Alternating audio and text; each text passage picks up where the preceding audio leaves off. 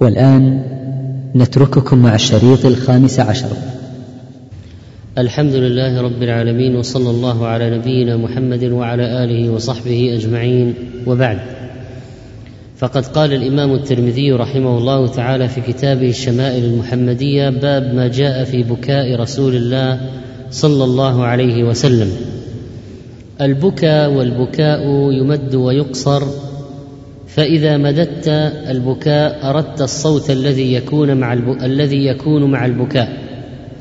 وإذا قصرت أردت الدموع وخروجها. قال الشاعر بكت عيني وحق لها بكاها وما يغني البكاء ولا العويل فما كان من ذلك دمعا بلا صوت فهو بكا بكى وما كان معه صوت فهو بكاء. قال عن عبد الله بن الشخير رضي الله عنه قال أتيت رسول الله صلى الله عليه وسلم وهو يصلي ولجوفه أزيز كأزيز المرجل من البكاء. رواه أبو داود أيضا والنسائي وهو حديث صحيح. قال ابن حجر في الفتح إسناده قوي. يقول الصحابي عبد الله بن الشخير رضي الله عنه أتيت رسول الله صلى الله عليه وسلم وهو يصلي ولجوفه أزيز أي صوت. وقيل أزيز أي حنين من الجوف وهو صوت البكاء. وقيل هو أن يجيش جوفه ويغلي بالبكاء كأزيز المرجل. وقوله كأزيز المرجل هو الإناء الذي يغلى فيه الماء سواء كان من حديد أو صفر نحاس أو حجارة أو خزف. قال الطيبي أزيز المرجل صوت غليانه ومنه الأز وهو الإزعاج. كأزيز المرجل أزيز المرجل من البكاء وهذا ناشئ من عظمة رهبة الله تعالى والخوف منه. والإجلال لله عز وجل وهذا من خضوع الله من خضوع النبي صلى الله عليه وسلم لربه. ولذلك قال لو تعلمون ما أعلم لضحكتم قليلا ولبكيتم كثيرا وما تلذذتم بالنساء على الفرش ولخرجتم إلى الصعودات تجأرون إلى الله. قال فغطى أصحاب النبي صلى الله عليه وسلم وجوههم ولهم خنين. وهذا الحديث يدل على أن القرآن إذا وجد قلبا خاشعا فإنه يؤثر فيه. وأن صاحبه لا يملك في هذه الحالة سوى البكاء عند قراءة القرآن. أما من يقرأ القرآن دون خشوع ولا حضور قلب فإنه لا يؤثر فيه.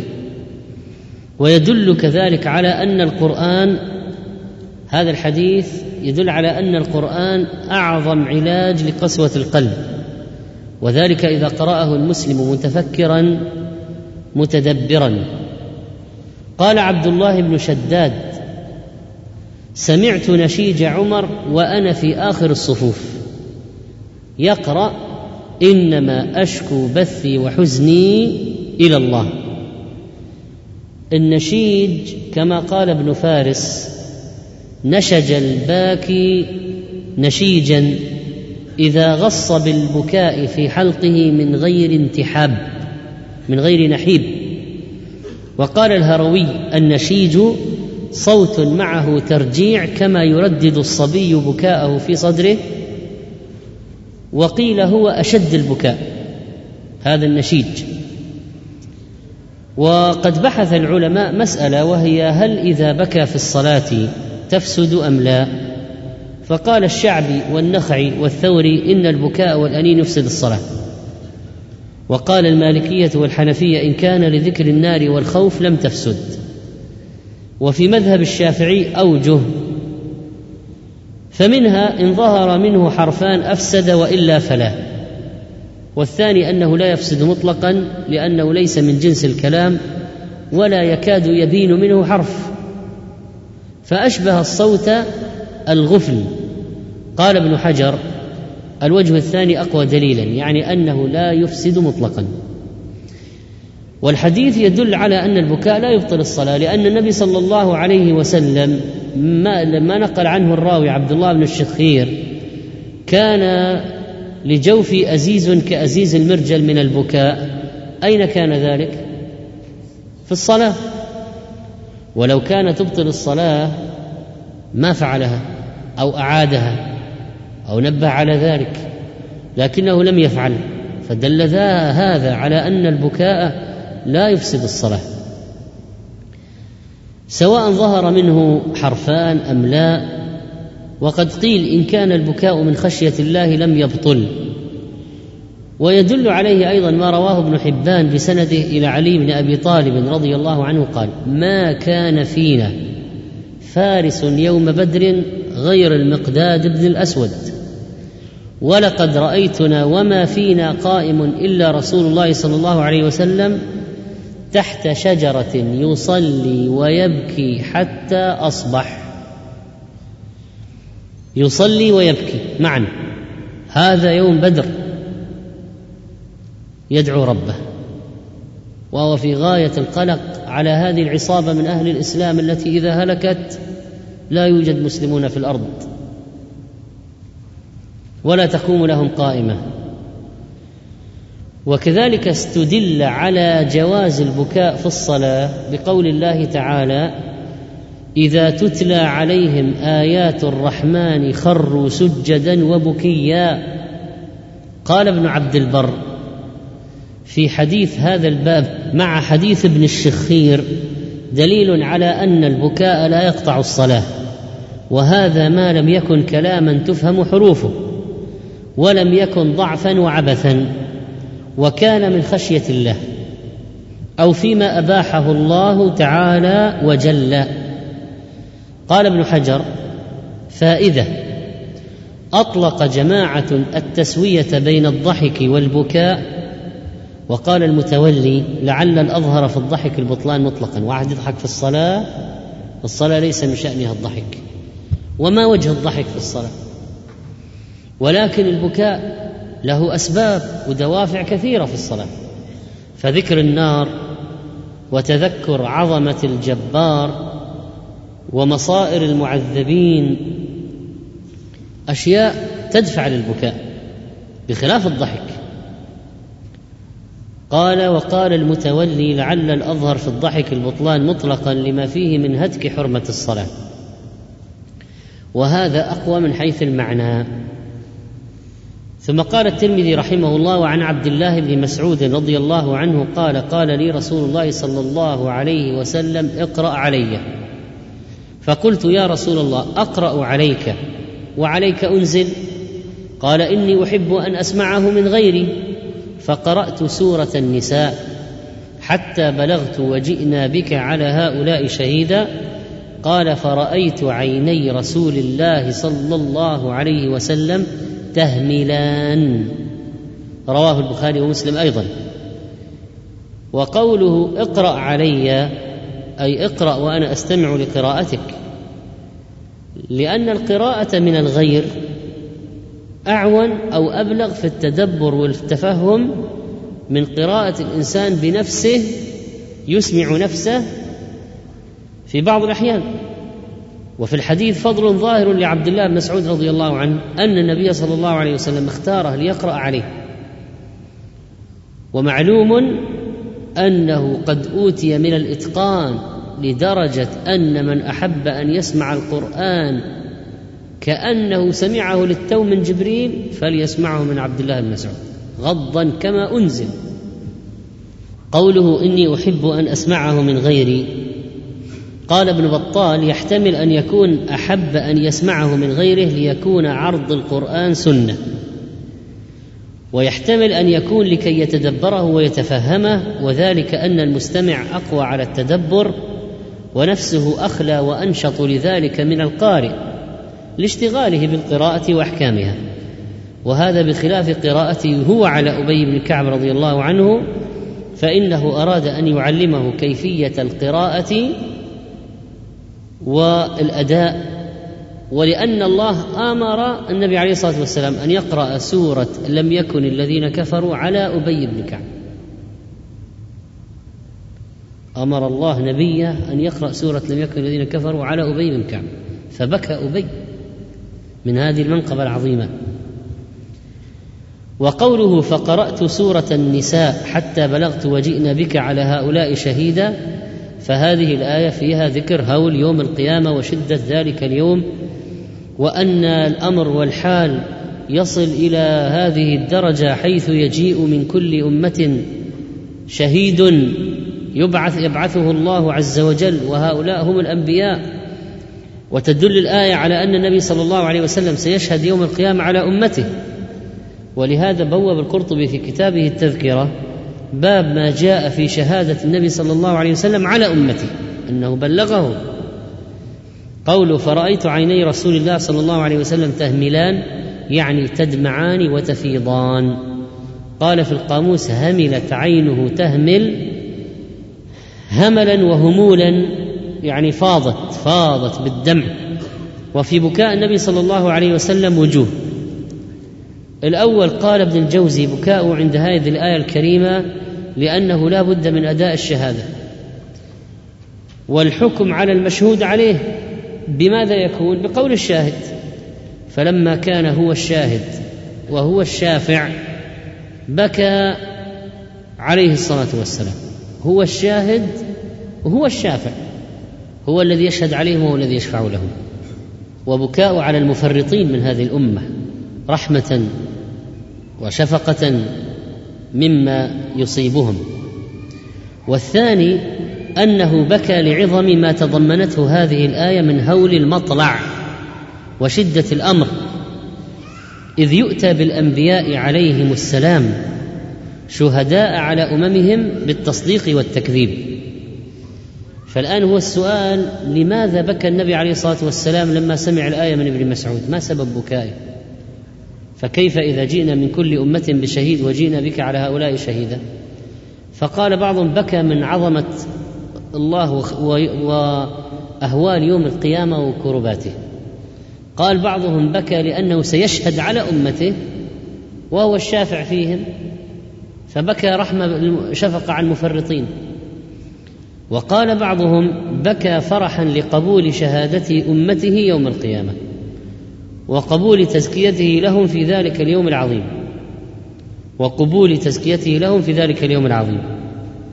قال ابن بطال إنما بكى عند تلاوته هذه الآية لأنه مثل لنفسه أهوال يوم القيامة وشدة الحال الداعيه له إلى شهادته لأمته بالتصديق. وسؤاله الشفاعة لأهل الموقف وهو أمر يحق له طول البكاء. أما ابن حجر رحمه الله الحافظ فقد قال مرجحا والذي يظهر أنه بكى رحمة لأمته لأنه علم أنه لا بد أن يشهد عليهم بعملهم وعملهم قد لا يكون مستقيما فقد يفضي إلى تعذيبهم فهو سيشهد علينا بأعمالنا أننا عملنا كذا وكذا وكذا. هذه الأعمال بعضها غير مستقيم وستكون سبب لتعذيبنا أو لتعذيب من أراد الله أن يعذبه. ويستحب البكاء مع القراءة وعند قراءة القرآن ولو قال قائل كيف كيف يصل الإنسان إلى درجة البكاء؟ فالجواب أنه لا بد أن يحضر الحزن والخوف وأن يتأمل ويتدبر وبالذات في مواطن التهديد والوعيد. وبدا لهم من الله ما لم يكونوا يحتسبون. كل أمة جاثيه كل أمة تدعى إلى كتابها. وإن منكم إلا واردها كان على ربك حتما مقضيا فمن تأمل بعض الآيات لا يصل إلى درجة البكاء مما فيها من الوعيد والشدة. وينظر في تقصيره كذلك. والعهود التي أخذها الله على عباده في القرآن والمواثيق. فإن لم يؤدي لا هذا ولا هذا ولا هذا إلى أن يبكي من مما في الآية فليبكي على نفسه أنه لا يبكي. وأن من المصيبة أن قلبه قسى إلى هذه الدرجة التي لا تأثر فيها من هذا الوعيد وما يكون في تلك المواقف العظيمة. ما حكم تكلف البكاء؟ لو واحد قال طيب إحنا ما قد ما ما أصل إلى التأثر إلى درجة إني أبكي طيب آه، أتباكى. يعني أتصنع البكاء. هذا يسمى التباكي. وفي تكلف. الإنسان يتكلف الشيء وليس على طبيعته. قال العلماء هما نوعان محمود ومذموم. وهو نوعان محمود ومذموم. فالمحمود أن يستجلب التباكي لرقة القلب ولخشية الله لا للرياء والسمعة والمذموم أن يجتلب لأجل الخلق. فهو يعني يتصنع البكاء ويتباكى لأنه مع فلان وفلان أو يسمعه فلان وفلان أو من جنبه فلان وفلان. فهذا فيه مراءة. وقد قال عمر بن الخطاب رضي الله عنه للنبي صلى الله عليه وسلم وقد رآه يبكي هو وأبو بكر في شأن أسارى بدر. أخبرني ما يبكيك يا رسول الله. فإن وجدت بكاء بكيت. وإن لم أجد يعني ما يدعو للبكاء تباكيت لبكائكما. يعني أنا س يعني أتباكى أتكلف البكاء لأنك لأنكما تبكيان. مواساة لكما أبكي معكما. حتى لو ما وجدت سببا. أتصنع البكاء مشاركة لكما. يعني أنتما تبكيان وأنا كذا. فإذا هذا يعني وإن كان تباكي لكنه مقصود منه المواساة. يعني ما هو مقصود الرياء والسمعة. ولم ينكر ذلك النبي صلى الله عليه وسلم عليه. ومن مشهور عبارات السلف ابكوا من خشية الله فإن لم تبكوا فتباكوا. فإن لم تبكوا فتباكوا يعني أن الإنسان إذا تكلف التباكي بدون رياء وسمعة فلا حرج. وربما يصبح له بعد ذلك طبعا ونفسه تأتي بهذا. وليس المقصود بالبكاء طبعا الصراخ كما يفعل بعض الناس في بعض يعني بعض الناس في بعض المساجد في بالذات في دعاء القنوت يصرخ ويصيح بصوت شديد. فليس عن هذا هو المقصود أن يعلن عن هذا وإنما أزيز كأزيز المرجل هذا البكاء المكتوم. فهو يبكي ويجاهد نفسه أن لا يظهر البكاء لأجل الإخلاص. وعن عبد الله بن عمرو رضي الله عنه قال انكسفت الشمس يوما على عهد رسول الله صلى الله عليه وسلم. فقام رسول الله صلى الله عليه وسلم يصلي حتى لم يكد يركع ثم ركع. فلم يكد يرفع رأسه ثم رفع رأسه. فجعل ينفخ ويبكي وجعل ينفخ ويبكي ويقول رب ألم تعدني أن لا تعذبهم وأنا فيهم؟ رب ألم تعدني أن لا تعذبهم وهم يستغفرون؟ ونحن نستغفرك. فلما صلى ركعتين انجلت الشمس فقام فحمد الله وأثنى عليه ثم قال إن الشمس والقمر آيتان من آيات الله لا ينكسفان لموت أحد ولا لحياته فإذا انكسفا فافزعوا إلى ذكر الله. وهذا حديث صحيح قد أخرجه أبو داود أيضا. وقوله انكسفت الشمس ذهب نورها كليا أو جزئيا يوما على عهد رسول الله صلى الله عليه وسلم وهو في السنة العاشرة لما مات إبراهيم في اليوم الذي مات فيه إبراهيم ابن محمد بن عبد الله عليه الصلاة والسلام. وجاء ذلك في البخاري كسفت الشمس على عهد النبي صلى الله عليه وسلم يوم مات إبراهيم. فقال الناس كسفت الشمس لموت إبراهيم.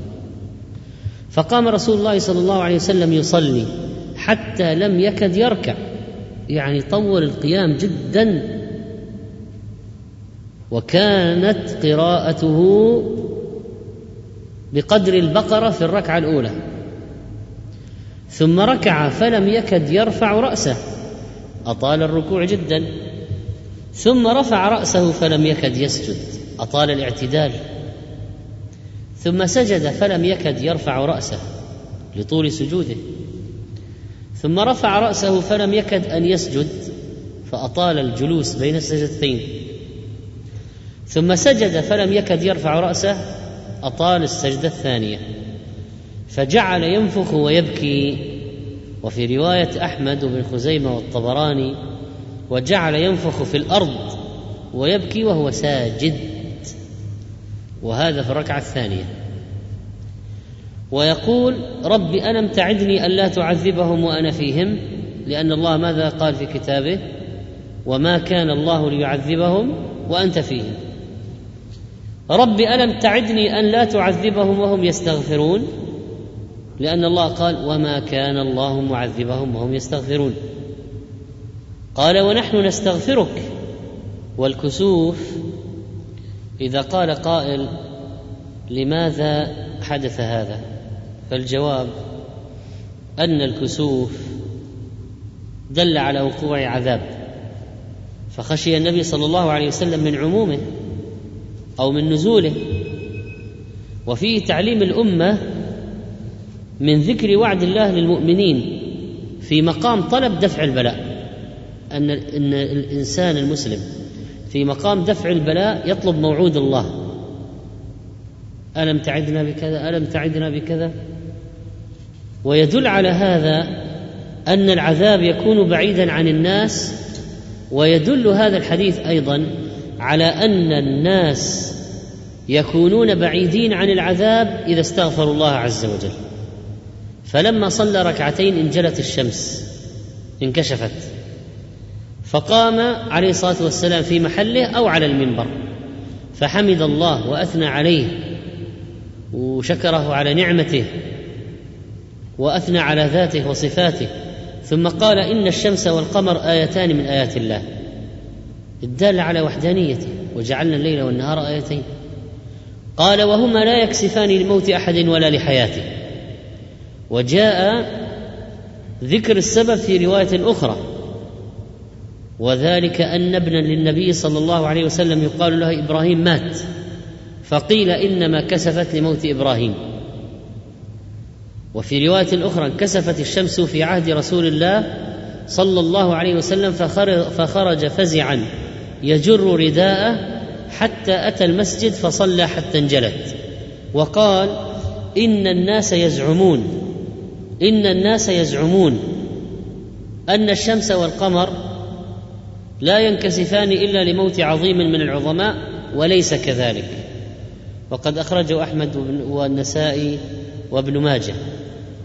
وقوله فإن انكسف يعني غا طبعا هنا فيه تغليب للشمس في الفعل لأن الكسوف من من فعل الشمس. فالشمس تنكسف. فافزعوا يعني خافوا وتضرعوا والتجئوا إلى الله توجهوا وبادروا. قال إلى ذكر الله وفي رواية البخاري فإذا رأيتموها فصلوا وادعوا فسميت الصلاة ذكرا لاشتمالها على الذكر. وفي الحديث بيان ما كان عليه النبي صلى الله عليه وسلم من الشفقة على أمته وشدة الخوف من ربه. وفي الحديث الحث على المسارعة إلى الصلاة والاستغفار والدعاء والالتجاء إلى الله عز وجل عند مشاهدة الكسوف والخسوف قال وعن ابن عباس رضي الله عنهما قال أخذ رسول الله صلى الله عليه وسلم ابنة له تقضي فاحتضنها فوضعها بين يديه فماتت وهي بين يديه وصاحت أم أيمن فقال النبي صلى الله عليه وسلم أتبكين عند رسول الله؟ فقالت ألست أراك تبكي؟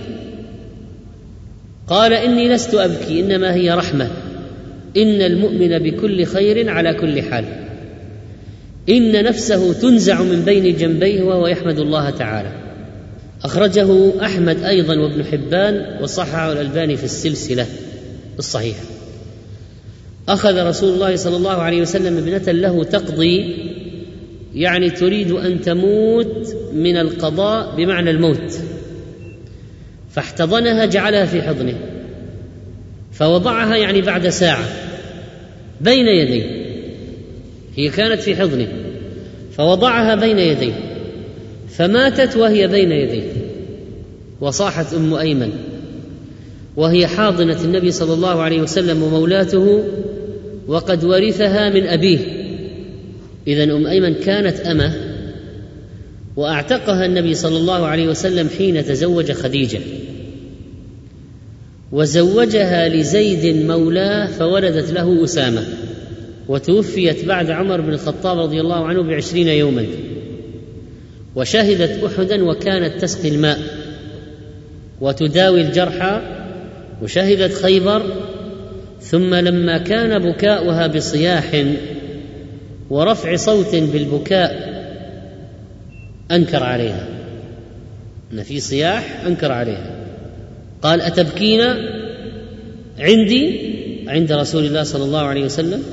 قال لها أتبكين عند رسول الله صلى الله عليه وسلم؟ ولم يقل لها أتبكين عندي لأنه أبلغ في الزجر أن يقول لها أتبكين عند رسول الله؟ تفعلين هذا الفعل عند رسول الله صلى الله عليه وسلم. فقالت وقد ظنت بأن البكاء كله جائز. ألست أراك أي أبصرك وأشاهدك. ألست أراك تبكي؟ قال إني لست أبكي أي على سبيل الجزع أو أني أبكي تسخطا أو أني أبكي مع صياح ونياحه لأن النبي عليه الصلاة والسلام لا يحصل له منكر. أو أني أبكي وأدعو بالويل والثبور يا ويلي ويا خرابي ونحو ذلك مما يقولون. قال إنما هي رحمة يعني أنا بكائي وأنيني دمع رحمه جعلها الله في قلوب عباده. فإنما يرحم الله من عباده الرحماء. ولا ينافي هذا قول عائشة رضي الله عنها ما بكى رسول الله صلى الله عليه وسلم على ميت أسفا عليه بل رحمة. بل يؤيده ما ورد إن العين تدمع والقلب يحزن ولا نقول إلا ما يرضي ربنا. وإنا بفراقك يا إبراهيم لمحزونون. رواه البخاري. وقال عليه الصلاة والسلام في هذا الحديث إن المؤمن المؤمن الحق الكامل بكل خير على كل حال. لماذا؟ لأنه يرى المحنة منحه من الله. يصبر عليها فيؤجر. وقال إن نفسه يعني روح المؤمن تنزع من بين جنبيه تقبض وتسحب وهو يحمد الله مشغول بذكره وهو راض بقضائه. وهكذا المؤمن في كل حين راضي بما قدر الله قضى. وقد جاء عن أسامة بن زيد رضي الله تعالى عنه أنه قال أرسلت ابنة رسول الله صلى الله عليه وسلم إليه إن ابنا لي قبض فأتنا. فأرسل يقرئ السلام ويقول إن لله ما أخذ وله ما أعطى وكل عنده بأجل مسمى فلتصبر ولتحتسب. فأرسلت إليه تقسم عليه ليأتينها. فقام ومعه سعد بن عبادة ومعاذ بن جبل وأبي بن كعب وزيد بن ثابت ورجال. هو في الأول بداية ما قام لأنه كان مشغول أشياء من أمور المسلمين وعنده سادة وكبراء. لكن لما أقسمت عليه اجلالا لله لأن أقسمت عليه بالله أن يأتيها قاموا قاموا معه جميعا. فرفع إلى رسول الله صلى الله عليه وسلم الصبي ونفسه تتقعقع تضطرب تضطرب لأن عند نزع الروح في اختلاج وخفقان قال حسبته أنه قال كأنها شن ففاضت عيناه.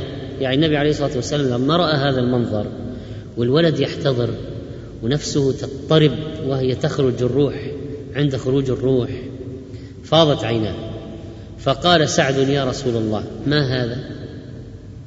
يعني الدمع إيش؟ ما هذا؟ كأنه ظن يعني أن مقام النبوة ما يناسب أنه يعني أن البكاء فيه أن البكاء يعني ضعف وأن مقام النبوة أقوى ما يعني أن كان هذا يتحمل. فقال هذه رحمة جعلها الله في قلوب عباده وإنما يرحم الله من عباده الرحماء. ثم قال المصنف رحمه الله عن عائشة رضي الله عنها أن رسول الله صلى الله عليه وسلم قبل عثمان بن مضعون وهو ميت وهو يبكي. ما الذي يبكي؟ النبي صلى الله عليه وسلم. أو قال عيناه تهراقان.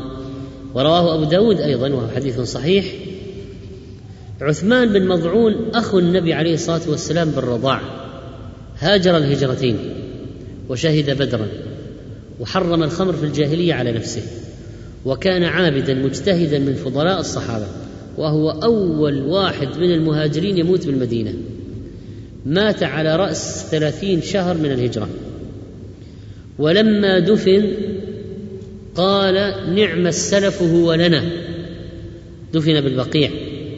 بموت عثمان بن مضعون مثل الرجل هذا يعني هذا رجل عظيم بهذه المنزلة وهذه الأعمال الكبيرة التي أبلاها وقدمها في الإسلام وما كان عليه في مكة والهجرة وبعد الهجرة وشهود بدر والمواقف العظيمة كان موته مؤثر جدا في النبي عليه الصلاة والسلام. بل في الأنصار الذين نزل عليهم اللي أووه رأوا منه من عبادته وفضله وخلقه ما جعلهم يتأثرون جدا من فقده. ولذلك روى البخاري عن خارجة بن زيد الأنصاري أن أم العلاء امرأة من نسائهم من نساء الأنصار. قالت قد بايعت النبي صلى الله عليه وسلم. وأخبرته أن عثمان بن مضعون طار له سهمه في السكنى حين أقرعت الأنصار سكن المهاجرين قالت أم العلاء فسكن عندنا عثمان بن مضعون. لأن الأنصار من محبتهم للمهاجرين لما جاء المهاجرون المدينة الأنصار تنافسوا عليهم.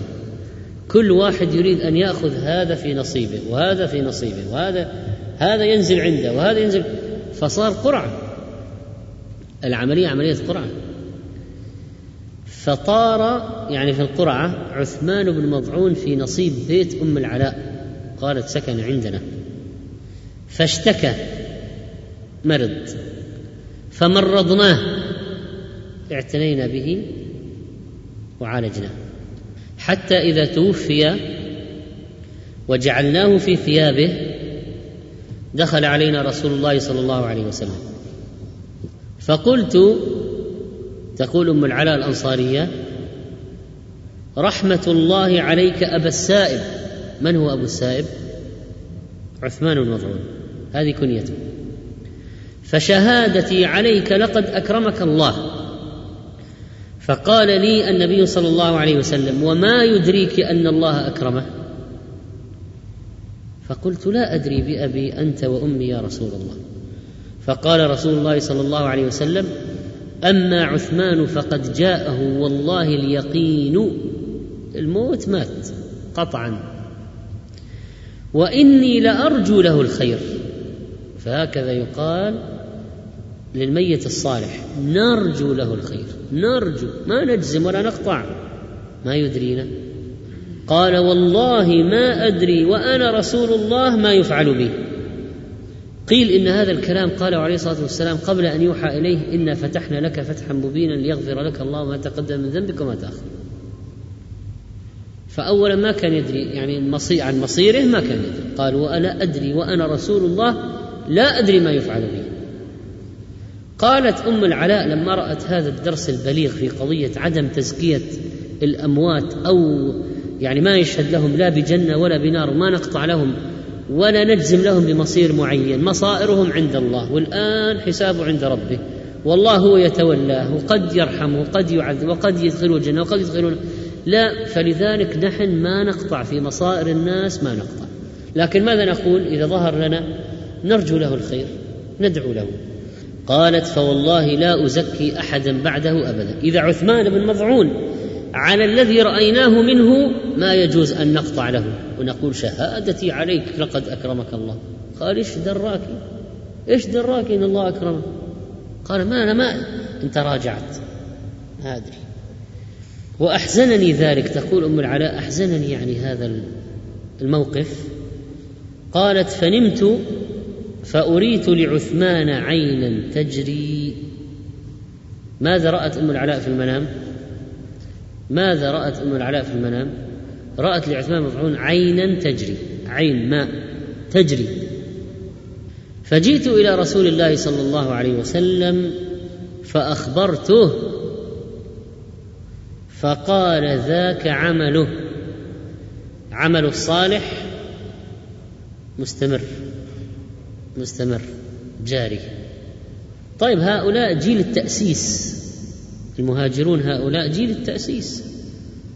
هؤلاء هؤلاء أساس الإسلام. من الذي أسس الإسلام في العالم؟ هؤلاء. وكل ما نشأ بعدهم من هجرة وفتوحات ودخول ناس في الدين وكل العلم الذي تعلم من بعدهم بسببهم ومنهم هم جيل التأسيس أول جيل. ولذلك هؤلاء صدق عملهم صدقة جارية عظيمة. لأن خلاص كل ما نشأ بعدهم بناء على جهدهم. قال هذا عمله ذاك عمله. الشاهد من الحديث قوله قول عائشة عن النبي عليه الصلاة والسلام في موت عثمان بن مضعون وهو يبكي أو قال عيناه تهراقان. اذا تذرفان تسيل دموعهما. في رواية ابن ماجه فكأني أنظر إلى دموعه تسيل على خديه. صلى الله عليه وسلم.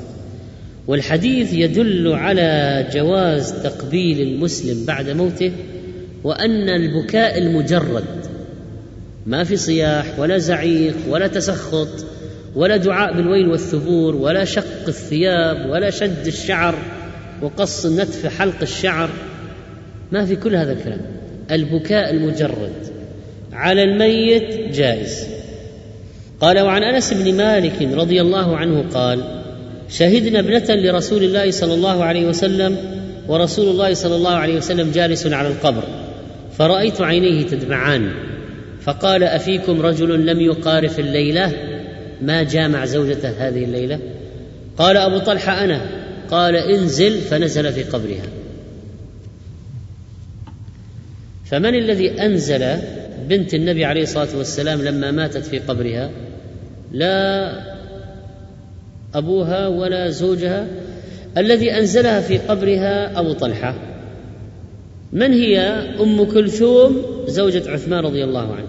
النبي عليه الصلاة والسلام كان جالس عند القبر على جانبه. فرأيت عينيه تدمعان تذرفان وتسيلان. بكاء رحمة. كان يبكي لفراق ولد من ذكر أو أنثى. أو أحد من أصحابه مات. تنزل دموعه مع رضاه بقضاء الله وقدره. ما كان يعني قلب النبي عليه الصلاة والسلام جامد ما في أي تأثر. في تأثر في دموع من بشر يعني في رحمة. لكن ما كان يصحب ذلك زعيق ولا صياح ولا لطم ولا نياحة ولا اعتراض على القضاء. مستسلم لكن في رحمة. يعني لابد هذه الطبيعة البشرية بالفطرة الطبيعة الشيء الذي تقتضيه يعني أصحاب القلوب الحية فرأيت عينيه تدمعان. قال أفيكم رجل لم يقارف الليلة؟ قال أبو طلحة أنا. قال انزل. فنزل في قبرها. فهذا يدل على جواز البكاء وإدخال الرجال المرأة في قبرها. يعني لو واحد قال هل يجوز أن يدخل المرأة رجل في قبرها؟ فالجواب نعم يجوز. وهم أقوى من النساء على ذلك. وفيه جواز الجلوس على شفير القبر عند الدفن واستدل به على جواز البكاء بعد الموت. فإن قال قائل لماذا ينزل المرأة الرجال دون النساء؟ لماذا ينزل المرأة في قبرها الرجال دون النساء؟ فيقال اولا لورود الدليل بذلك وأنه المعهود في عهد النبي صلى الله عليه وسلم وجرى عليه عمل المسلمين إلى اليوم. ثانيا أن الرجال أقوى وأقدر بدنيا ونفسيا. ثالثا أن النساء لو أوكل إليهن هذا تنكشف أبدانهن لأن هذا النزول في القبر والطلوع من القبر وإنزال يعني في يحسر ينحسر الثوب عن الجسم ينشمر الكم يعني. فما يعني ننزل المرأة تنزل النساء معنى ذلك تعرضها للانكشاف. هذا معناه تعرضها للانكشاف. ولذلك هذا هذا بالإضافة لو قال واحد طيب بس استثنوا لنا هذه بس تنزيلها في القبر. نقول لا وحتى هذا. لأن الرجال أقوى على ذلك ولأنه إذا تولته النساء أفضى إلى انكشاف شيء من أبدانهن أمام الأجانب وهذا لا يجوز. بالإضافة طبعا إلى أن المرأة قد تنهار. أصلا بعض الرجال ينهارون في المقبرة كيف النساء؟ نلخص هذا الباب بفصل أنواع بكاء النبي صلى الله عليه وسلم. قال ابن القيم رحمه الله وأما بكاؤه صلى الله عليه وسلم فكان من جنس ضحكه لم يكن بشهيق ورفع صوت. كما لم يكن ضحكه بقهقهه ولكن كانت تدمع عيناه حتى تهملا ويسمع لصدره أزيز. وكان بكاؤه تارة رحمة للميت وتارة خوفا على أمته وشفقة عليها وتارة من خشية الله وتارة عند سماع القرآن وهو بكاء اشتياق ومحبة وإجلال مصاحب للخوف والخشية. ولما مات ابنه إبراهيم دمعت عيناه وبكى رحمة له وقال تدمع العين ويحزن القلب ولا نقول إلا ما يرضي ربنا وإنا بك يا إبراهيم لمحزونون وبكى لما شاهد إحدى بناته ونفسها تفيض وبكى لما قرأ عليه ابن مسعود سورة النساء وانتهى إلى الآية وبكى لما مات عثمان بن مضعون وبكى لما كسفت الشمس وصلى صلاة الكسوف وجعل يبكي في صلاته. وبكى لما جلس على قبر إحدى بناته وكان يبكي أحيانا في صلاة الليل. أنواع البكاء. البكاء أنواع. أحدها بكاء الرحمة والرقة. الثاني بكاء الخوف والخشية. الثالث بكاء المحبة والشوق. الرابع بكاء الفرح والسرور. الخامس بكاء الجزع من ورود المؤلم وعدم احتماله. السادس بكاء الحزن. ففي أنواع من البكاء بكى النبي عليه الصلاة والسلام فيها. وبعضها بكى أصحابه. ولما جاء سلمان الفارسي رضي الله عنه ليكتشف أمر النبي صلى الله عليه وسلم وليتأكد بالعلامات التي عرفها من الرهبان الذين أخبروه أو آخر راهب أخبره فإنه لما رآه يأكل الهدية ولا يأكل الصدقة. ودار من خلفه فالنبي عليه الصلاة والسلام أنزل الرداء عن ظهره ليرى سلمان انه يعرف لاحظ أنه يبحث عن شيء خاتم النبوة بين كتفيه. فأرخى الرداء واحد يبحث عن النبي الجديد. سنوات طويلة جدا. يعني سمع من راهب وسافر وجمع كل أمواله. وليسافر إلى بلاد العرب حيث قد أخبره الراهب أن هذا مكان بعثة النبي الجديد. ويؤخذ ظلما ويباع عبدا ويبيعه واحد إلى واحد في المدينة يهودي ويشتغل تحت الرق. وكل هذا من أجل البحث عن الحقيقة في النبي الجديد الذي يظهر. ثم يسمع أن نبيا قد هاجر من مكة إلى المدينة والمدينة أرض ذات نخل وعنده الآن قرينة أن هذا المكان ممكن يكون هذا هو المكان. وعنده علامات سامعها من الراهب وجاء الآن وجده ورأى ورأى وجهه ورأى وأراد أن يختبره فأتى بشيء قال هذه صدقة. قال النبي عليه الصلاة والسلام لأصحابه كلوا ما أكل. ثم جاء مرة أخرى بتمر قال هذه هدية فأكل منها النبي عليه الصلاة والسلام. ثم دار خلفه ليبحث عن يحاول أن يرى خاتم النبوة. فلما رآه تكاملت الآيات. خلص أكب عليه يقبله ويبكي. هذا بكاء إيش؟ هذا بكاء الفرح والسرور بالعثور على هذا النبي. عليه الصلاة والسلام. الفرق بين بكاء الحزن وبكاء الخوف. بكاء الحزن يكون على ما مضى من حصول مكروه أو فوات محبوب. بكاء الخوف يكون لما يتوقع في المستقبل من أمور مكروهة. الفرق بين بكاء السرور والفرح وبكاء الحزن قالوا دمعة السرور باردة والقلب فرحان. ودمعه الحزن حارة والقلب حزين. ولهذا يقال لما يفرح به هو قرة عين وأقر الله به عينه. ليش؟ لأن باردة الدمعة باردة. ولما يحزن يقال سخينة العين. ولما كان بعضهم يدعو على بعض وفي الجاهلية يقولون أسخن الله عينه. يعني جعله يبكي بكاء الحزن. فهذا بكاء الفرح وبكاء الحزن بكاء السابع بكاء الخور والضعف. الثامن بكاء النفاق. أن تدمع العين والقلب قاسم فيظهر البكاء تباكي نفاق ورياء. التاسع البكاء المستعار مثل النائحة المستأجرة. مات لهم ميت جابوا نساء. نواحات. كله تمثيل في تمثيل ياخذ عليه فلوس. هذا البكاء المستعار. قال عمر رضي الله عنه تبيع عبرتها وتبكي شجو غيرها. تبكي مصيبة غيرها وتبيع عبرتها. والعاشر بكاء الموافقة وهو أن يرى رجل الناس يبكون لأمر ورد عليهم فيبكي معهم ولا يدري لأي شيء يبكون. بكاء بكاء موافقة.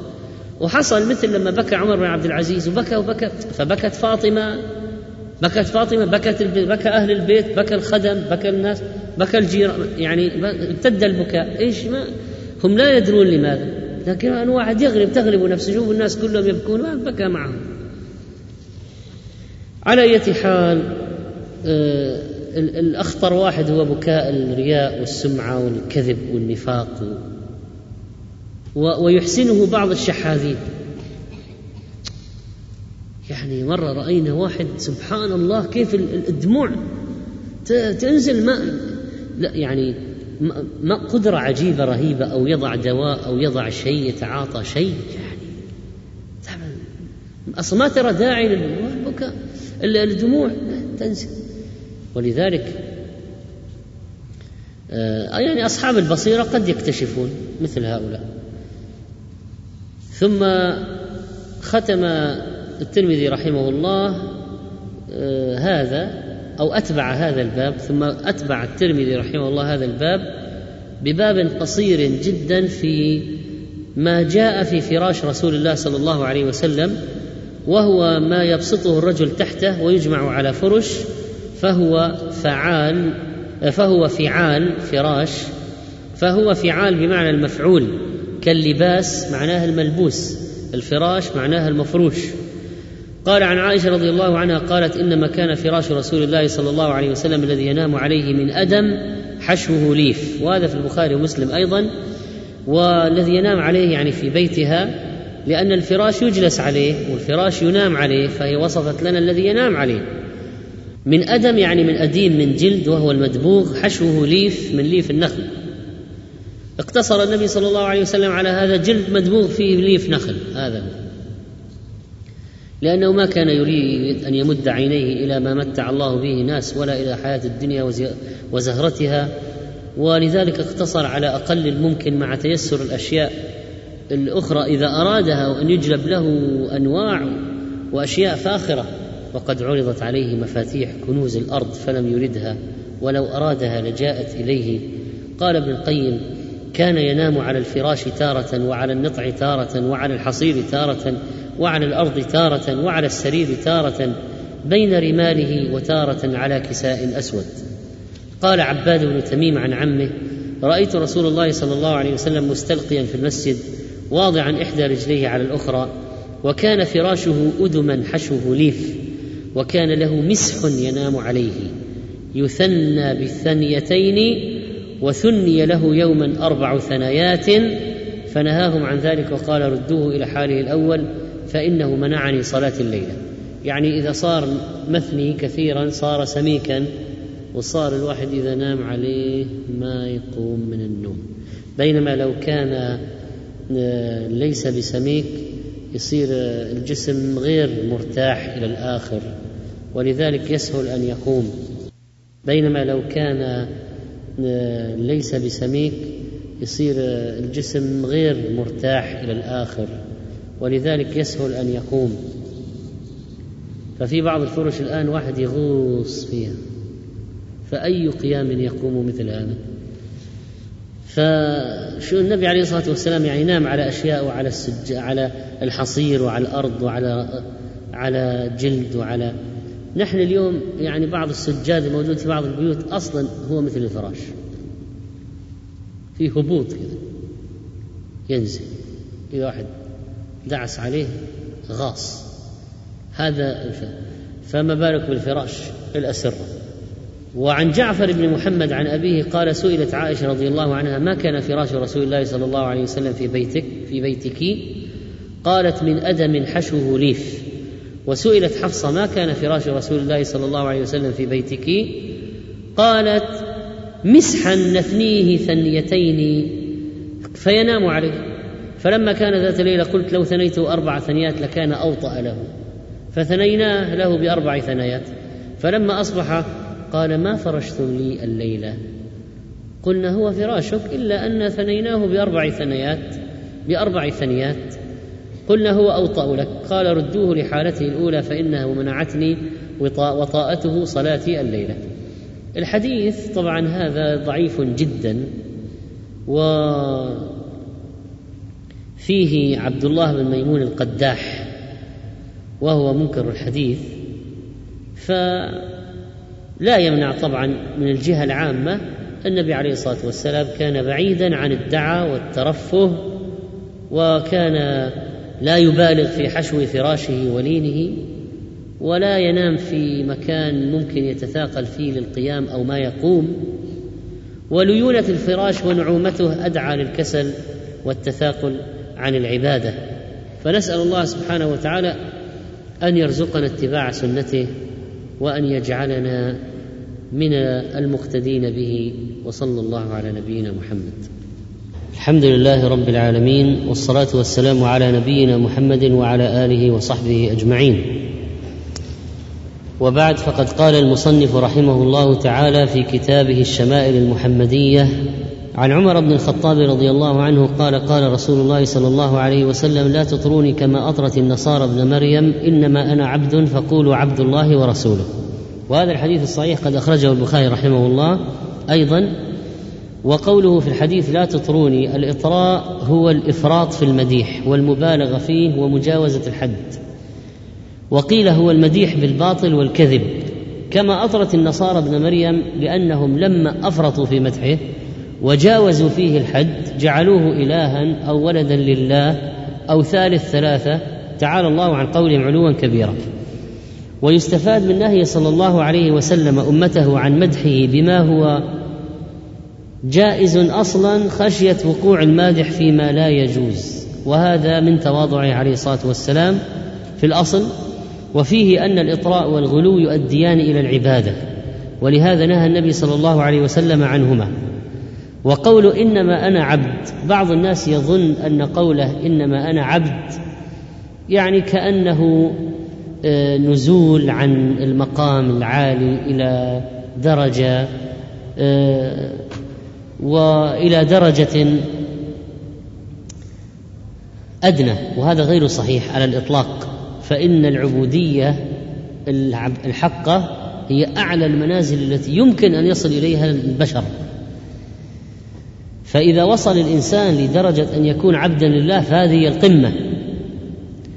فقوله إنما أنا عبد فقولوا عبد الله ورسوله فهو متصف بذلك ولا تزيد على هذا. وهذان الوصفان عبد الله ورسوله أشرف ما وصف به النبي صلى الله عليه وسلم وأصدق ما له من الصفات. ويؤخذ من الحديث أن أفضل وصف رضيه النبي صلى الله عليه وسلم لنفسه هو أن يقال له عبد الله ورسوله. وأشرف وصف للإنسان وأشرف منزلة أن يكون عبدا لله. ولهذا كانت العبودية هي أشرف مقام للنبي صلى الله عليه وسلم وقد خاطبه ربه بذلك في أشرف المناسبات وأعظم المقامات. ففي مقام الإسراء قال له سبحان الذي أسرى بعبده وفي مقام إنزال القرآن قال عنه الحمد لله الذي أنزل على عبده الكتاب. وتبارك الذي وأيضا قال تبارك الذي نزل الفرقان على عبده. وفي مقام الدعوة إلى الله قال تعالى عنه وأنه لما قام عبد الله يدعوه كادوا يكونون عليه لبدا. قال ابن القيم رحمه الله فأكمل الخلق أكملهم عبودية وأعظمهم شهودا لفقره وضرورته وحاجته إلى ربه وعدم استغنائه عنه طرفة عين. ولهذا كان من دعاء النبي صلى الله عليه وسلم أصلح لي شأني كله ولا تكلني إلى نفسي طرفة عين. ولا إلى أحد من خلقك. رواه أبو داود وأحمد وهو حديث صحيح. ثم قال رحمه الله تعالى وعن أنس بن مالك رضي الله عنه أن امرأة جاءت إلى النبي صلى الله عليه وسلم فقالت له إن لي إليك حاجة. فقال اجلسي في أي طريق المدينة شئت أجلس إليك. رواه أبو داود أيضا وهو حديث صحيح وروى مسلم نحوه. وقوله أن امرأة جاءت إلى النبي صلى الله عليه وسلم جاء في رواية مسلم أن في عقلها شيء. هذه المرأة. فقالت إن لي إليك حاجة يعني هناك حاجة خاصة أريد أن أخبرك بها. فقال اجلسي في أي طريق المدينة شئت. في أي جزء من أجزاء طريق المدينة. وهذا طبعا سيكون مكانا مكشوفا يراه الناس ويمرون ويجيئون ويغدون منه وبالتالي فليس في القضية خلوة. فقال أي مكان من طريق المدينة من الطريق الواضح البين المكشوف. أي مكان أردت اقعدي قولي هذا المكان وأنا آتيك وأسمع كلامك فيه. وأقضي الحاجة التي تريدينها. وجاء في صحيح مسلم عن أنس في هذه القصة رواية هذه المرأة في رواية قصة هذه المرأة أن امرأة كان في عقلها شيء فقالت يا رسول الله إن لي إليك حاجة. فقال يا أم فلان انظري أي السكك شئت حتى أقضي لك حاجتك. فخلى معها في بعض الطريق والمقصود طبعا بالخلوة هنا السماع بأنه وقف معه في في بحيث لا يسمعها أحد لأن حاجته خاصة ولكن من جهة النظر والرؤية فهما على مرأى الجميع. ولكن أرادت أن تخبره بشيء خاص لا يسمعه غيره. قال فخلى معها في بعض الطرق حتى فرغت من حاجتها. قال الإمام النووي رحمه الله أي وقف معها في طريق مسلوك وليس مقفر مسلوك ليقضي حاجتها ويفتيها في الخلوة. ولم يكن ذلك من الخلوة بالأجنبية فإن هذا كان ممر الناس ومشاهدتهم إياه وإياها. فإن هذا كان في ممر الناس ومشاهدتهم إياه وإياها. لكن لا يسمعون كلامها لأن مسألتها مما لا تريد أن يظهر. وروى أحمد في المسند عن أنس بن مالك قال إن كانت الوليدة من ولائد المد... أهل المدينة وهي الفتاة الصغيرة أو البنت الصغيرة لتجيء فتأخذ بيد رسول الله صلى الله عليه وسلم فلا ينزع يده من يدها حتى تذهب به حيث شاءت. ويستفاد من هذا الحديث أن استجابة النبي صلى الله عليه وسلم لتلك المرأة وقضاء حاجتها من تواضعه عليه الصلاة والسلام. فبعض الناس من يأنف مثلا أن يأتي أحد من آه، من في عقله شيء ويريد أن يكلمه ويقول أنا ما أكلم مجانين وأنا ما أكلم كذا وأنا ما أكلم كذا. أو مثلا آه، يريد أن آه، يتكلم معه علية القوم. وكذلك يستفاد من هذا التواضع من أخلاق النبي عليه الصلاة والسلام كما قال ابن القيم رحمه الله عن التواضع هو انكسار القلب لله وخفض الجناح جناح الذل والرحمة لعباده فلا يرى له على أحد فضلا ولا يرى له عند أحد حقا بل يرى الفضل للناس عليه والحقوق لهم قبله. وهذا خلق إنما يعطيه الله عز وجل من يحبه ويكرمه ويقربه. والتواضع يتولد من العلم بالله سبحانه ومعرفة أسمائه وصفاته ونعوت جلاله وتعظيمه ومحبته وإجلاله ومن معرفته بنف ومن معرفته بنفسه وتفاصيلها وعيوب عملها وآفاتها. آه هذا كلامه في كتاب الروح. ونعمة التواضع من أجل وأعظم النعم التي يمتن الله بها على عباده ولقد كان نصيب النبي صلى الله عليه وسلم من هذا الخلق النصيب الأوفى فقد كان الحبيب عليه الصلاة والسلام إمام المتواضعين فلما أراد أن يخبر الأمة عن قدره ومكانته عند الله عز وجل قال لما قال أنا سيد ولد آدم قال ولا فخر أنا لا أقصد الفخر ولا العلو ولا آه، البغي على عباد الله ولا الكبر لكن هذه حقيقه أنا سيد ولد آدم لأن الله جعلني كذلك جعلني للناس سيدا وقوله ولا فخر من تواضعه عليه الصلاة والسلام حتى لا يظن أحد أن النبي عليه الصلاة والسلام قاله تفاخرا. أنا سيد ولد آدم يوم القيامة ولا فخر وبيدي لواء الحمد ولا فخر. وما من نبي يومئذ آدم فمن سواه إلا تحت لوائي وأنا شافع وأول مشفع ولا فخر.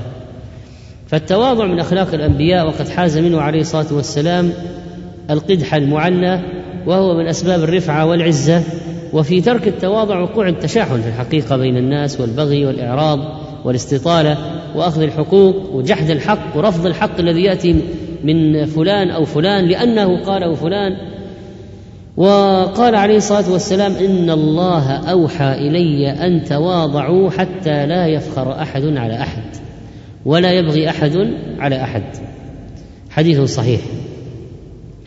وقد جاء في ثواب التواضع. حديث أبي هريرة عن النبي صلى الله عليه وسلم قال وما زاد الله عبدا بعفو إلا عزا وما تواضع أحد لله إلا رفعه. وما تواضع أحد لله إلا رفعه الله. رواه مسلم. وعنون عليه النووي رحمه الله استحباب العفو والتواضع. وقوله وما تواضع أحد لله إلا رفعه الله فيه وجهان. اولا يرفعه في الدنيا ويثبت له في تواضع بتواضعه منزلة في قلوب الخلق. ويرفعه عند الناس ويجل مكانه. الثاني أن المراد ثوابه في الآخرة ورفعه فيها بتواضعه في الدنيا. قال العلماء وقد يكون المراد الوجهين معا في جميعها في الدنيا والآخرة والله أعلم.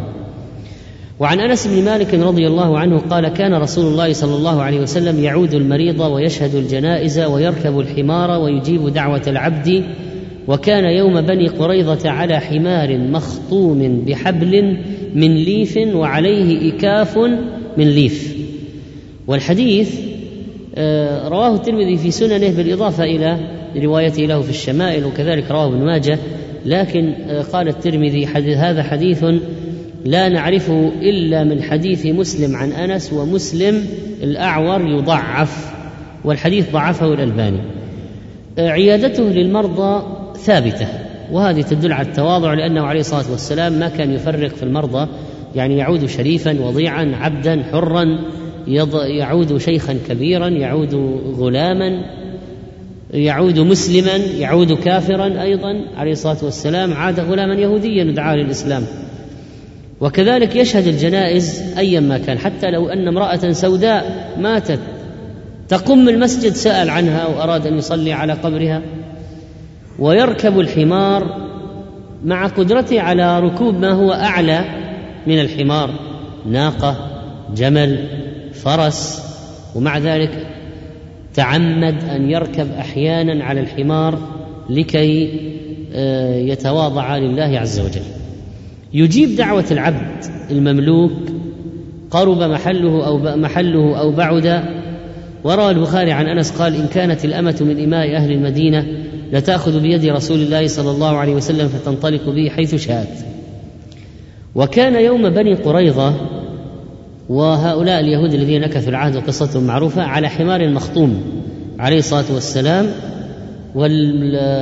ومعناها الحماء ومعنى ذلك أن هذا الحمار كان له زمام حبل من ليف يقاد به وعليه إكاف وهو ما يوضع على الدابة للركوب عليها ويشبه الرحل. فالإكاف للحمار مثل السرج للفرس. وهذا هي هذه جملة من من الأمور التي تدل على تواضعه صلى الله عليه وسلم وقد أخرج الطبراني عن عبد الله بن عباس رضي الله عنهما أن رسول الله صلى الله عليه وسلم كان يجلس على الأرض ويأكل على الأرض ويعتقل الشاة يعني يحلبها ويجيب دعوة المملوك على خبز الشعير. حديث صحيح.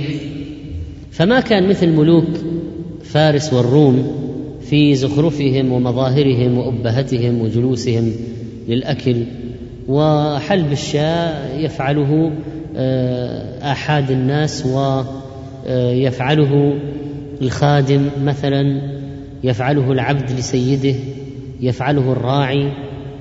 مع ذلك النبي عليه الصلاة والسلام كان يحلب الشاة لأن الكبراء لا يفعلون ذلك ولا ينزلون إلى الشاة ليحلبوها وإنما يشربون لها لبنا جاهزا محلوبا.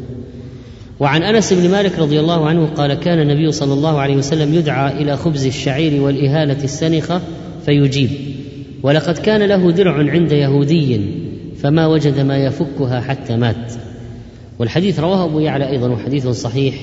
كان النبي صلى الله عليه وسلم يدعى إلى خبز الشعير والإهالة والإهالة هي دهن اللحم.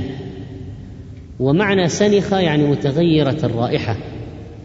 ولقد كان في استجابته لهذه الدعوة على خبز شعير وشحم متغير الرائحة من طول المكث. ولا يجد غضاضة ولا يأنف ولا يرفض الطعام ولا يعيبه ولا يقول جايبيني على هذا.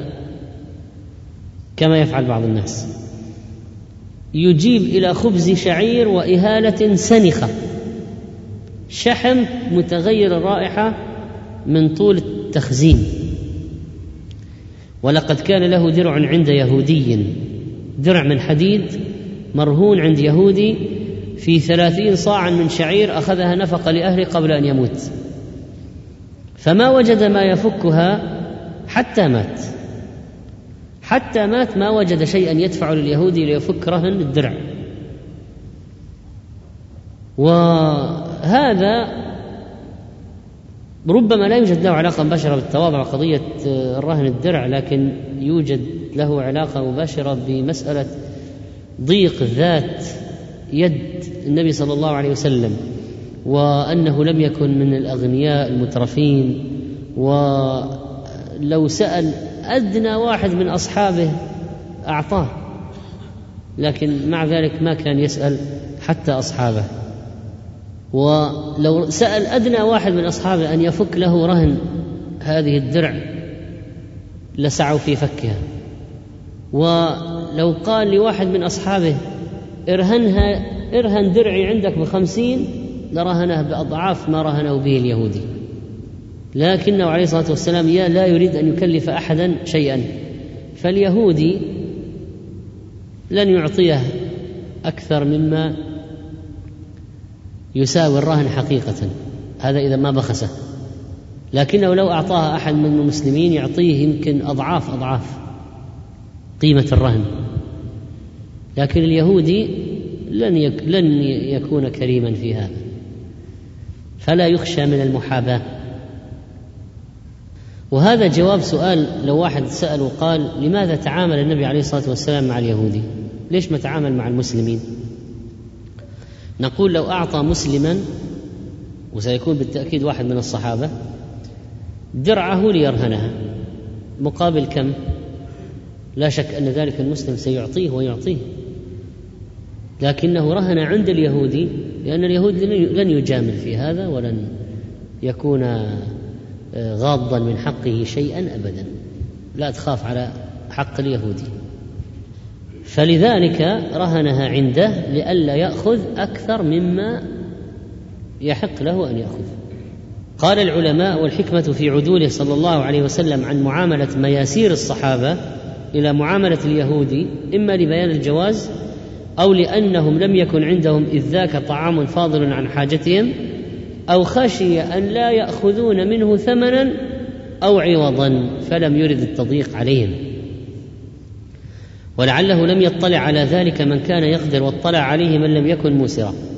اذا لو أنه رهنها عند صحابي فصاحب يقول ما يحتاج رهن خلاص خذ الدرع وخذ الشعير. لأنه الصحابي سي... لن... من هو الصحابي الذي سيأخذ الدرع ويطالب؟ ويقول وين الشعير؟ ولا بعت الدرع؟ أما اليهودي سيفعله. سيفعلها ولا يبالي. على أي حال النبي عليه الصلاة والسلام ما أراد أن يثقل على أصحابه ولا أن يأخذ منهم شيئا بلا مقابل. ولذلك تعامل مع هذا اليهودي على أي حال القصة فيها فائدة مهمة فقهية في قضية جواز معاملة الكفار وإن كانت مكاسبهم خبيثة بشرط أن تكون طريقة التعامل بينك وبينه صحيحة. ما هي ربا ولا رشوة ولا أكل مال بالباطل ولا بيع محرم ولا ميسر. طريقة تعامل صحيحة شرعا بينك وبين الكافر فهذا يجوز. وفيها جواز الرهن في الحضر أخذوا منه عدة فوائد.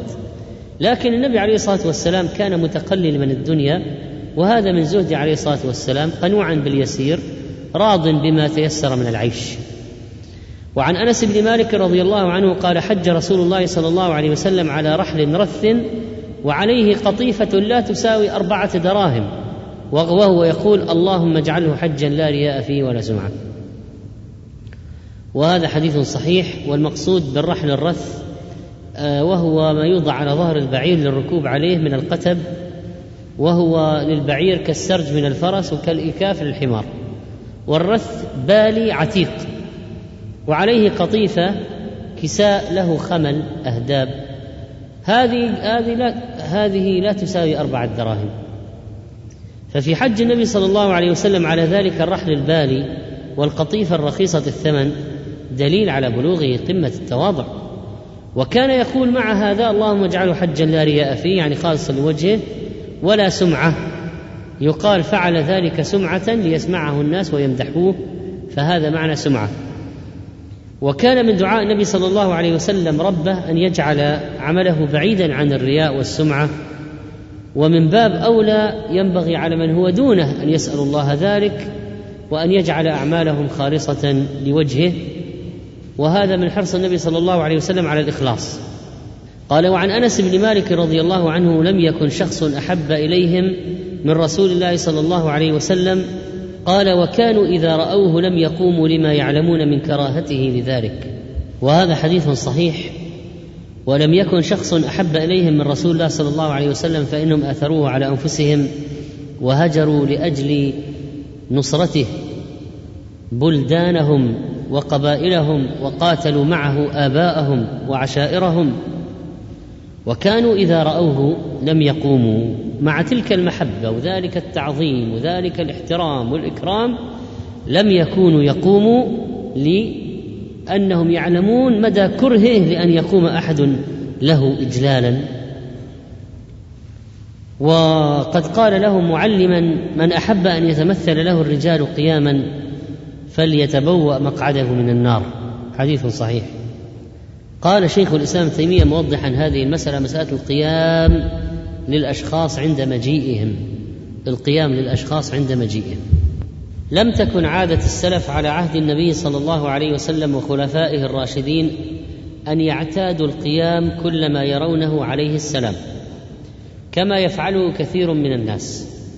بل قد قال أنس بن مالك لم يكن شخص أحب إليهم من النبي صلى الله عليه وسلم وكانوا إذا رأوه لم يقوموا له لما يعلمون من كراهته لذلك. ولكن ربما قاموا للقادم من مغيبه. واحد كان مسافرا غائبا فجاء من سفر فيقومون له. لماذا؟ تلقيا له. كما جاء عن النبي صلى الله عليه وسلم أنه قام لعكرمة وقال للأنصار لما قدم سعد بن معاذ قوموا إلى سيدكم. وكان قدم ليحكم في بني قريظة لأنهم نزلوا على حكمه. قال شيخ الإسلام والذي ينبغي للناس أن يعتادوا اتباع السلف على ما كانوا عليه على عهد رسول الله صلى الله عليه وسلم فإنهم خير القرون وخير الكلام كلام الله وخير الهدي هدي محمد صلى الله عليه وسلم فلا يعدل أحد عن هدي خير الورى وهدي خير القرون إلى ما هو دونه. وينبغي للمطاع يعني الأمير السيد شيخ القبيلة الأستاذ. ينبغي على المطاع أن لا يقر ذلك مع أصحابه بحيث إذا رأوه لم يقوموا له إلا في اللقاء المعتاد. فينبغي عليه أن يقول لهم لا تقوموا لا تقوموا يعلم الناس أن لا يقوموا له. لأن المطاع إذا قال الناس لا تقوموا خلاص غير باب أولى. فعند ذلك لا ستطبق السنة ولن يقوم أحد لأحد إلا آه، القيام الجائز المشروع كما عرفنا مثل تلقي القادم من السفر أو يقوم لفتح الباب أو يقوم ليكرمه وليجلسه مكانه في مجلسه ونحو ذلك. أما كل ما دخل واحد قام الناس دخل واحد قام الناس فهذا القيام هو مما كرهه عليه الصلاة والسلام. لكن الإشكال أين؟ أن الناس لهم عوائد قوية عادات قوية. اعتادوا القيام في المجالس. واعتبروه تكريما. وإذا ما قمت للداخل اعتبرها استهانة ومنقصة وأنك الآن تحتقره. فإذا ما قمت نشأت مفسدة. فيقول لك إيش يعني لا تراني شيئا؟ أنت ما تحترمني أنت لا تقدرني أنت لا تفعل وتنشأ مشكلة.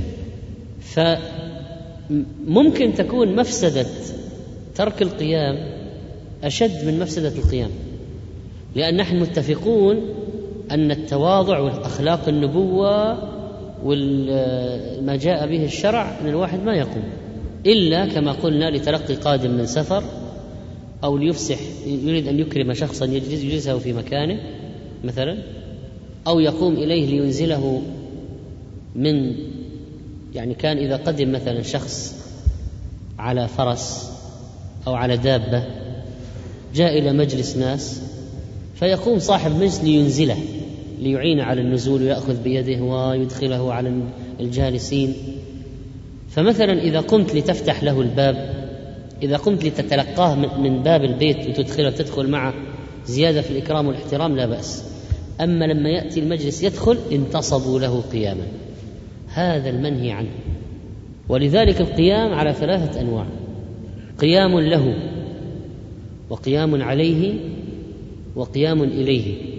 أما القيام عليه فهو فعل فارس والروم لعظمائها يقومون على رؤوس ملوكهم. قيام الأصنام والتماثيل. يقوم الواحد لا يتحرك. على رأس الملك. فلما صلى النبي عليه الصلاة والسلام جالسا لعذر قاموا فأشار إليهم أن يجلسوا. الإمام إذا طرأت عليه علة مؤقتة قابلة للزوال فيصلي جالسا ويصلون وراءه جلوسا. ما كان يعلمون الحكم. لما صلى جالسا قاموا. فأشار إليهم أن يجلسوا بعد الصلاة علمهم قال إن كدتم لتفعلون آنفا فعل فارس والروم يقومون على ملوكهم وهم جلوس. فترى هذا جالس وهؤلاء قائمون على رأسه. هذا قيام تعظيم ما ينبغي أن يكون للبشر. قال تعالى يوم يقوم الناس لي رب العالمين. هذا قيام التعظيم. فإذا دخل قاموا له انتصبوا. وإذا ما قام يغضب. إذا ما قاموا له يغضب.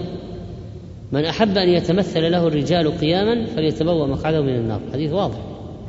من أن أحب أن يقوم الناس تعظيما له فليتبوأ مقعده من النار. ولذلك بعض المدرسين لا يرضى إذا دخل لابد أن يقوم كل الطلاب وينتصبون له انتصابا. هذا خطير. القيام له أو القيام عليه منهي عنهما. أما القيام إليه فجائز. القيام إليه أنك تقوم إليه لتنزله عن دابته. تقوم إليه لتفتح له الباب. تقوم إليه لتستقبله وتدخل به إلى مكان جلوسه. هذا إكرام ضيف لا حرج فيه. وليس قيام تعظيم. هذا ما هو قيام تعظيم. نرجع إلى مسألتنا. لو كان عدم القيام للداخل يؤدي إلى شحناء أو أن يعتقد أنك تنتقصه. فهل يجوز أن تقوم له درءا للمفسدة؟ قال شيخ الإسلام ابن تيمية رحمه الله وإذا كان من عادة الناس إكرام الجائي بالقيام ولو ترك لاعتقد أن ذلك لترك حقه.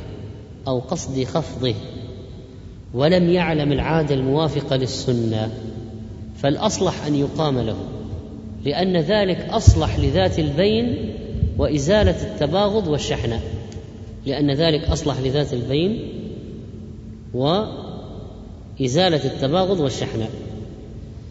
فإذا شيخ الإسلام أجاز هذا القيام لكنه ذكر شروطا قال إذا كان من عادة الناس هذا. اثنين لو ترك اعتقد أن هذا منقصه في حقه. ثلاثة لم يعلم السنة. الجاي هذا الجائي اسم فاعل جاء جائي. إذا كان الجائي لا يعرف السنة فقيامك أحسن من أن يكون في نفسه بغض وشحنة. قال وأما من عرف عادة القوم الموافقه للسنة فليس في ترك ذلك إيذاء له. وليس هذا القيام المذكور في قوله من سره أن يتمثل له الرجال قياما فليتبوأ مقعده من النار فإن ذلك أن يقوم له وهو قاعد ليس هو أن يقوم لمجيئه إذا جاء. ولهذا فرقوا بين أن يقال قمت إليه وقمت له والقائم للقادم ساواه في القيام بخلاف القائم للقاعد. وقد ثبت في صحيح مسلم أن النبي صلى الله عليه وسلم لما صلى بهم في مرضه صلوا قياما أمرهم بالقعود وقال لا تعظموني كما يعظم الأعاجم بعضها بعضا وقد نهاهم عن القيام في الصلاة وهو قاعد لئلا يتشبهوا بالأعاجم الذين يقومون لعظمائهم وهم قعود. وجماع ذلك كله الذي فيه اتباع عادات السلف وأخلاق السلف بحسب الإمكان. فينبغي إذن إفشاء السنة وتعليم الناس الحكم الشرعي وأن يقال لهم إن هذا القيام منهي عنه مكروه فلا تقوموا كل واحد كبير ومطاع ينهى الناس عن القيام إذا دخل وهذا هو التواضع. وأما أنه يجبر الناس على القيام فليس هذا من من من مما يوافق الإسلام. بعض المدرسين يقولون نحن إذا دخلنا نقيم الطلاب للتنشيط لأن بعضهم نائم. طيب إنما الأعمال بالنيات وربما يؤخر إقامتهم حتى يدخل هو بحيث لا يكون قيامهم من أجل دخوله وإنما يعلمهم أن قيامهم أو أن إقامتهم لتنشيطهم لتنشيط الكسالى والنائمين. قال وعن أنس بن مالك رضي الله عنه قال قال رسول الله صلى الله عليه وسلم لو أهدي إلي كراع لقبلت ولو دعيت عليه لأجبت. ما هو الكراع؟ مستدق الساق من الرجل. وهذا من حسن خلق النبي عليه الصلاة والسلام وتواضعه وجبره لقلوب الناس أنه كان يقبل الهدية وإن كانت قليلة ويجيب الدعوة ولو كانت على شيء قليل. وقد جاء في رواية الجمع بين الكراع والذراع وقال الحافظ وخص الذراع والكراع ليجمع بين الحقير والخطير لأن الذراع كان أحب إليه من غيرها والكراع لا قيمة له.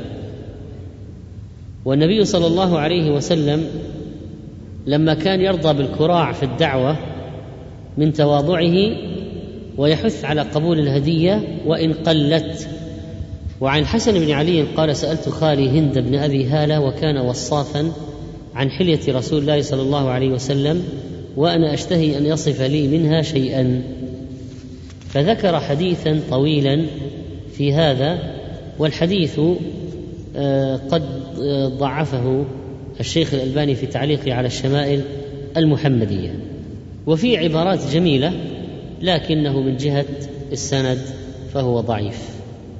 ومن ذلك مثلا كان رسول الله صلى الله عليه وسلم يؤلفهم ولا ينفرهم ويكرم كريم كل قوم ويوليه عليهم ويحذر الناس ويحترس منهم أو يحذر الناس ويحترس منهم من غير أن يطوي عن أحد منهم بشره وخلقه ويتفقد أصحابه ويسأل الناس عما في الناس إن كان فيهم قحط ولا شدة ولا مجاعة ويحسن الحسن ويقويه ويقبح القبيح ويوهيه وهكذا. ثم قال عن جابر رضي الله عنه جاءني رسول الله صلى الله عليه وسلم ليس براكب بغل ولا برذون. حديث صحيح قد رواه البخاري. جابر لما مرض يحكي أن النبي عليه الصلاة والسلام جاء يعود في مرضه. ليس براكب بغل ولا برذون. البغل يتبختر مثل البرذون ضرب من الدواب عظيم الخلقة له سير خاص يجلب من بلاد الروم فيه جلد على السير في الشعاب والجبال بخلاف الخيل العربية ويقال برذن الفرس يعني مشى مشي البراذين فما معنى اذن حديث جابر؟ يعني أن النبي عليه الصلاة والسلام جاءه ماشيا ليس براكب بغل ليس براكب بغل ولا برذون. ففيه استحباب المجيء إلى المريض مشيا أو السير إلى المريض والتواضع بعدم ركوب الدابة لأن المشي من التواضع.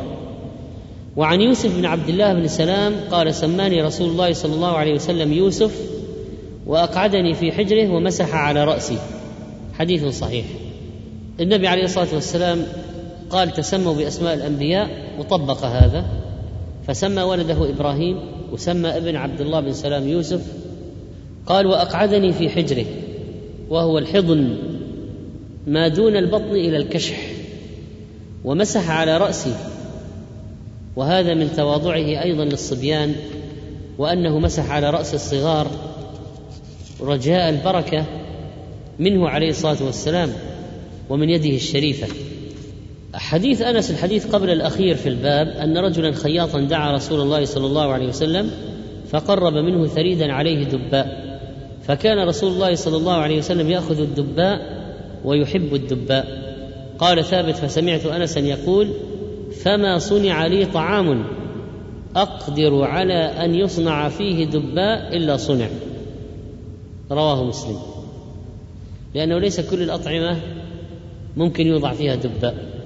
فأنت ممكن تضع دباء مثلا مع الرز مع الثريد مع الإدام يحشى الدباء لكن مثلا يصعب أن تضع مع المهلبية والسحلب دباء مثلا ومع الشاي دباء. فإذا هو يقول ما صنع لي طعام ممكن يوضع فيه دباء إلا وضعته. بعد ما رأى محبة النبي عليه الصلاة والسلام للدباء وهي القرع المعروف. هذا الأصفر.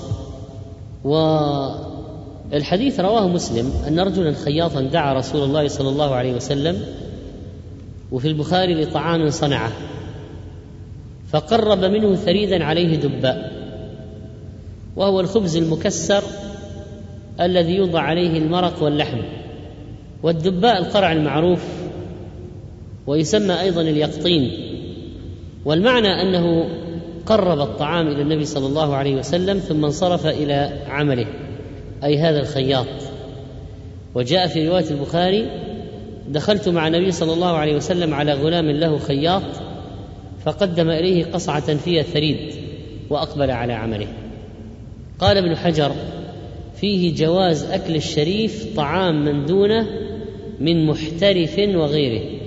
إيش يعني محترف؟ صاحب الحرفة.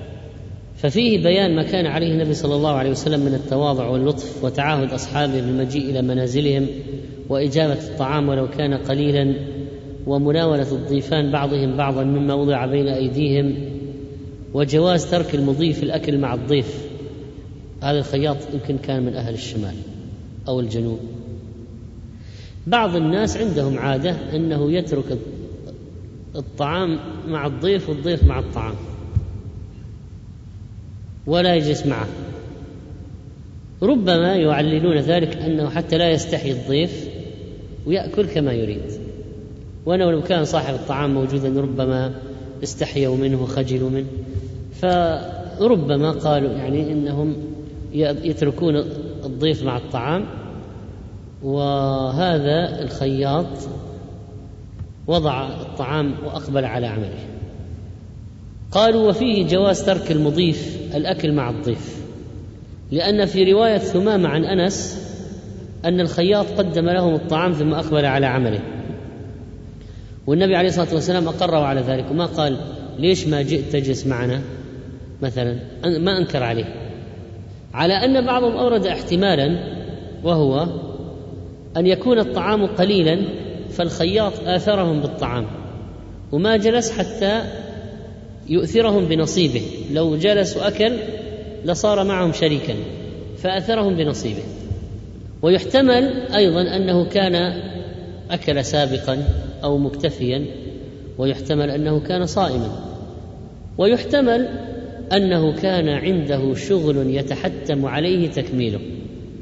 كأن يكون تعاقد مع شخص أن ينهي له شيئا في وقت معين ولا بد أن يفي بالعقد.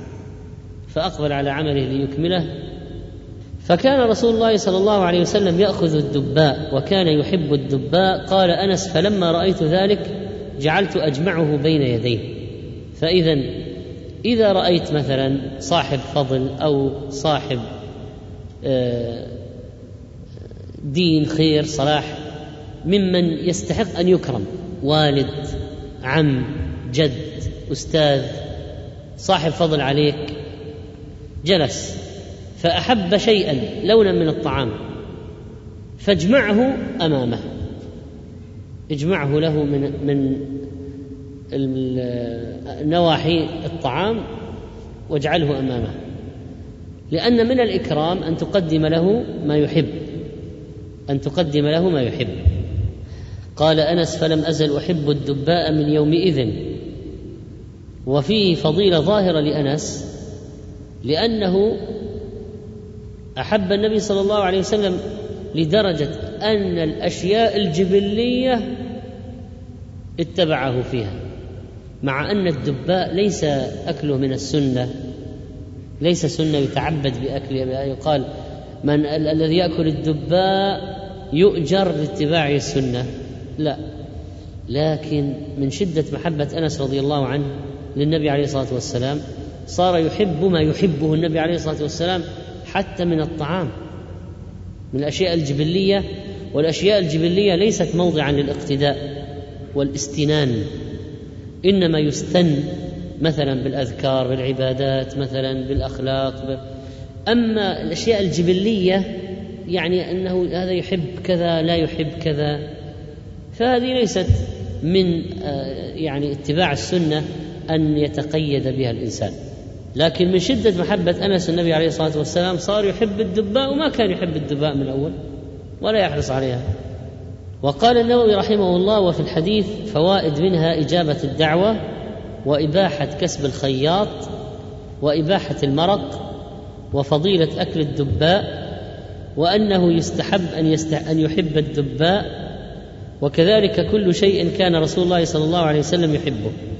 طبعا هذا أيضا من المبالغة ولا قلنا في الأصل ليست الأشياء الجبلية موضعا للاقتداء إلا إذا جاء الدليل بقرينة أنه أن فيها قصد التعبد بالاتباع والسنية فلو قال قائل النبي عليه الصلاة والسلام كان له شعر هل اتخاذ الشعر سنة؟ لا. النبي عليه الصلاة والسلام مثلا كان يحب أن يعتم يلبس عمامة. هل لبس العمامة سنة؟ لا. النبي عليه الصلاة والسلام لبس بردا يمنيا مخططا مخططا. هل لبس البرد اليمني المخطط سنة؟ لا. النبي عليه الصلاة والسلام لبس نعالا كذا من نوع معين. هل لبس النوع هذا المعين سنة؟ لا وهكذا كان يحب الثريد هل محبة الأكل من الثريد سنة؟ إذا هذه الأشياء الجبلية اللي تأتي بالطبيعة والخلقة ليست مجالا للاستحباب والسنية والمشروعية والأجر الفضل ولكن الإنسان قد يصل من شدة محبته لمن يتأسى به إلى أن يحب ما يحبه هذا. آه هذاك اللي كان يحب أما سوداء؟ قال أحببت لحب لحبها سود الكلاب يعني خلاص أي شيء أسود يحبه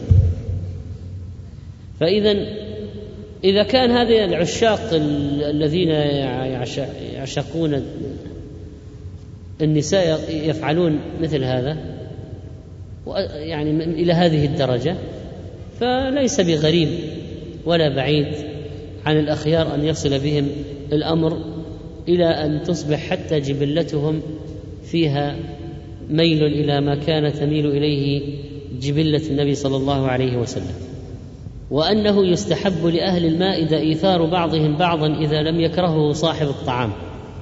وعن عمرة قالت قيل لعائشة ماذا كان يعمل رسول الله صلى الله عليه وسلم في بيته؟ قالت كان بشرا من البشر يفلي ثوبه ويحلب شاته ويخدم نفسه. رواه البخاري. بشرا من البشر يعني يفعل ما يفعله بنو آدم يفلي ثوبه يفتشه ليلتقط ما به من شوك أو دواب يزيلها عن ثوبه ويحلب شاته ويخدم نفسه عموما وخصوصا. وفي البخاري عن الأسود قال سألت عائشة ما كان النبي صلى الله عليه وسلم يصنع في بيته؟ قالت كان يكون في مهنة أهله تعني خدمة أهله. فإذا حضرت الصلاة خرج إلى الصلاة. وأخرج أحمد من حديث عائشة رضي الله عنها أن النبي صلى الله عليه وسلم كان يخيط ثوبه ويقصف نعله ويعمل ما يعمل الرجال في بيوتهم. حديث صحيح. فيقوم بشؤون البيت مع كثرة مشاغله ومن صفات العظمة في الرجل أن لا تشغله الأمور الكبيرة عن الأمور الصغيرة. يعني يستطيع القيام بالجميع. هذا يدل على انه انسان مرتب جدا ويستثمر وقته للغايه القصوى. وتواضع أيضا. فالإنسان من السنة لو قال لك يعني أنا أسقي الزرع في بيتي وأغسل سيارتي وأغسل حوش البيت وأساعد أم الأولاد في غسل الصحون إذا صار هناك ولائم مثلا وأنا أحيانا أصلح أشياء من شغل السباك أنا أصلحها وكذلك أصلح قفل الباب وممكن أضع الغرى للنعل وممكن هذا من التواضع. أن الإنسان يتولى مثل هذه الأشياء التي يأنف الكبراء من توليها. ما يتولون مثل هذا. ومن أخلاق الأنبياء والبعد عن التنعم ومن تواضع النفس تربية النفس على التواضع ولئلا يخلد الإنسان لراحه المذمومة مثل أن يحمل أغراضه. يحمل أغراضه من السوق. ممكن يستأجر حمال لكن هو يحمل. حتى لا يخلد لرفاهه المذمومة وحتى يتواضع ويربي نفسه على ذلك. وذرني والمكذبين أولي النعمة ومهلهم قليلا. الأحاديث هذه تدل على حسن خلق النبي عليه الصلاة والسلام وعلى تواضعه الكامل وعلى علو مرتبته وأنه كان عبدا نبيا ولم يكن ملكا نبيا وأنه كان يركب الحمار ويردف خلفه ويعود المساكين ويجالس الفقراء ويجيب دعوة العبد ويعمل في بيته ويجلس بين أصحابه ويأكل ما تيسر وفتحت عليه الأرض وأهدي له في حجه مائه بدنة.